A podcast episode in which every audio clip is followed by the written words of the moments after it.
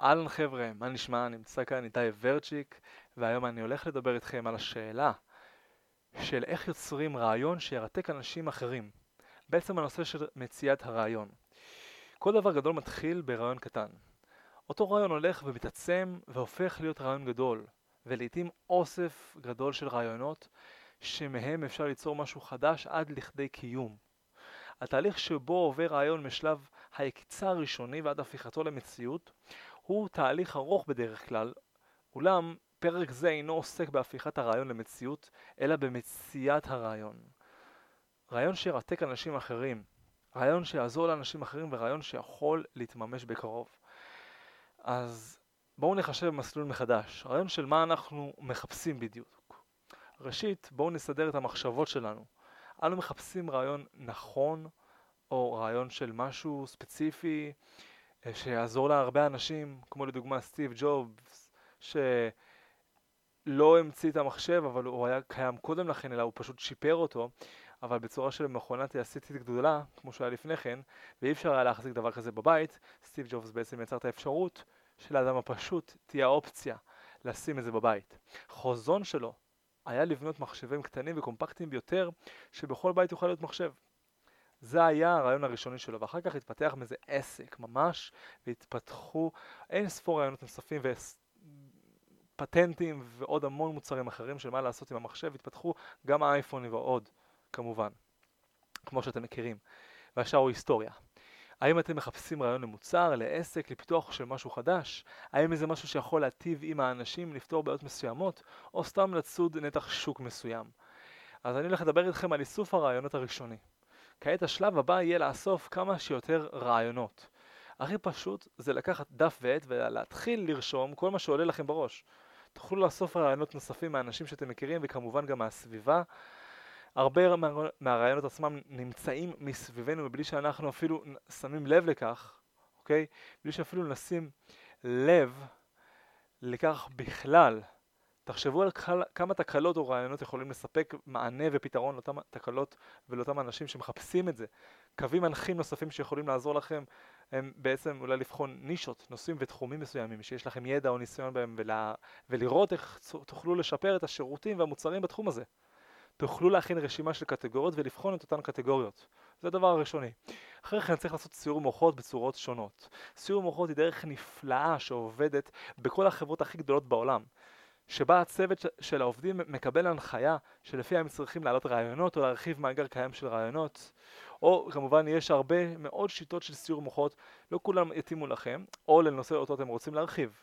להלן כמה טכניקות מוכרות שמשתמשים בהן מדי יום ברחבי העולם כדי להעלות ולהרחיב רעיונות. שיטת הבועות או הבלונים, איך שתקראו לזה. מכירים את השיטה שבה רושמים נושא אחד בתוך בועה ואז מוציאים ממנו קווים ובועות נוספות כדי לרשום רעיונות נוספים ובועות נוספות שיוצאים מהם כדי להרחיב אה, אותם בעצם, את אותם רעיונות. קחו דף, הכינו עיגול באמצע הדף עם הרעיון או הנושא שבו אתם רוצים למצוא רעיון והתחילו להרחיב אותו עם עוד סעיפים ותתי סעיפים שיוצאים מהרעיון הזה. רשמו את הבעיות והצרכים של הלקוחות וכיצד אותו רעיון הולך לפתור אותם. רשמו רעיונות משנה כמובן שיכולים לשדרג את הרעיון הראשוני עצמו. שיטת הפתקים זו שיטה שנייה, של שיטת הפק... הפתק... הפתקים העוברים, אוקיי? בשיטה זו אתם מקבלים אה, כמה חברים או עובדים שלכם בחדר אחד במעגל, אתם מחלקים להם פתקים או דפים שהדפסתם מראש, בחלק העליון של הדף תרשמו את הבעיה או את הצורך שאתם רוצים למצוא לו פתרון וכך תוכלו להתקדם לידי גיבוש רעיונות. לדוגמה, אם יש לכם חברה משווקת בגדים ואתם רוצים להיכנס לשוק חדש של uh, בגדי ים, אתם רוצים לבקש מהעובדים למנות את הבעיות והתלונות של אנשים בנוגע לבגדי ים שונים. מהם הצרכים של האנשים ומה יכולים להיות הפתרונות עבורם. מין סקר כזה, סקר שוק. הרעיון הוא שבכל דף או פתק תעלה אופציה שונה ואז אותו פתק יעבור בין כל העובדים או האנשים המשתתפים בסקר וכל אחד מהם ירשום פתרון או מענה פרי מחשבתו. שיטה מצוינת שעובדת כמעט תמיד ומביאה לכם הרבה רעיונות חדשים כמובן. מילוי הקירות, זו שיטה שלישית שאני רוצה לדבר עליה. בשיטה זאת אתם צריכים להדביק דפים או פתקיות על, אה, על הקירות עצמם במשרד או בחדר שבו אתם עושים את הסיור המוחות שלכם וגם אתם יכולים להיות שם לבד או עם עוד אנשים, זה לא משנה, ואתם יכולים להעלות את הנושא לאוויר ולא לצאת מהחדר עד שאתם ממלאים את הפתקים ברעיונות. מין סקר אה, שוק כזה חברתי, ויותר אה, סיור מוחין. ואלו כמה שיטות שאפשר לעשות בהם בעצם ולהביא רעיונות חדשים שיכולים למצוא פתרונות להמון בעיות קיימות בשוק. לדוגמה גם עוד דבר שנוסיף זה חקר שוק והכרת קהל היעד שהוא מאוד מאוד חשוב. כעת, לאחר שביצעתם את שלב איסוף הרעיונות הראשוני, אתם רוצים דווקא עכשיו לעשות חקר שוק ולהכיר את קהל הידע שלכם. מדוע לא לעשות זאת לפני, כמו הרבה אנשים אחרים שעושים את זה? משום ש... התשובה היא פשוטה, כן? משום שאתם רוצים להשתמש בכלים יצירתיים ומקצועיים להמצאת הרעיונות, והרעיונות הכי טובים מגיעים דווקא מאנשים שאינם מלאים בידע או ניסיון בתחום מסוים, כי הם לא מקובעים ואין להם היסטוריה, הם פשוט באים מפרי יצירתם הטבעית, נקרא לזה. כלומר, כאלה שיכולים לחשוב בראש נקי, מרבית הרעיונות שיעלו אולי יהיו דברים שכבר קיימים, אולם חלק מהם יכולים להיות דברים חדשים ואפילו כאלה ששווים הרבה. שלב העריכה והסינון הסופי הוא שלב חשוב מאוד, שהשלב הסופי יהיה שלב הסינון בעצם אחרי שהעלינו רעיונות, אחרי שהרחבנו אותם ואחרי שהכרנו יותר לעומק את השוק ואת קהל היעד אנו מבינים כעת את הצרכים של הקהל ואת המענה שאנו צריכים לספק לו. נסנן תחילה את הרעיונות שכבר קיימים בשוק ואת אלה שהעלויות שלהם אינן תואמות את התקציב של, שלנו או את התקציב שאנו יכולים לגייס לטובת ההגשמה שלהם. לאחר מכן נסנן את הרעיונות הדורשים משאבים שאין לנו אפשרות להגיע אליהם ונשאר לבסוף עם הרעיונות שאנו הכי מאמינים בהם ונעשה כל מה שצריך כדי להגשים אותם. השלב הבא יהיה להתחיל לגרום להם לקרות.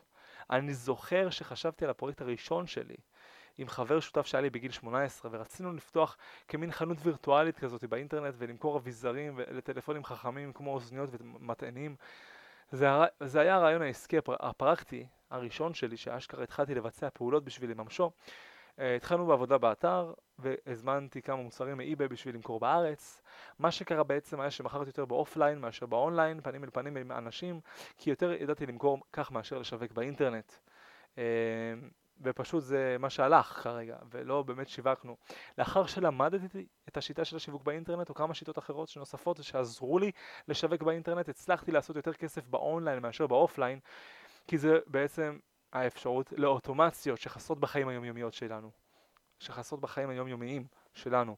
תזכרו, אוטומציות הן העיקר ביצירת מינוף עסקי, וכך אתם יכולים להמשיך ולהצליח יותר בעסק שלכם.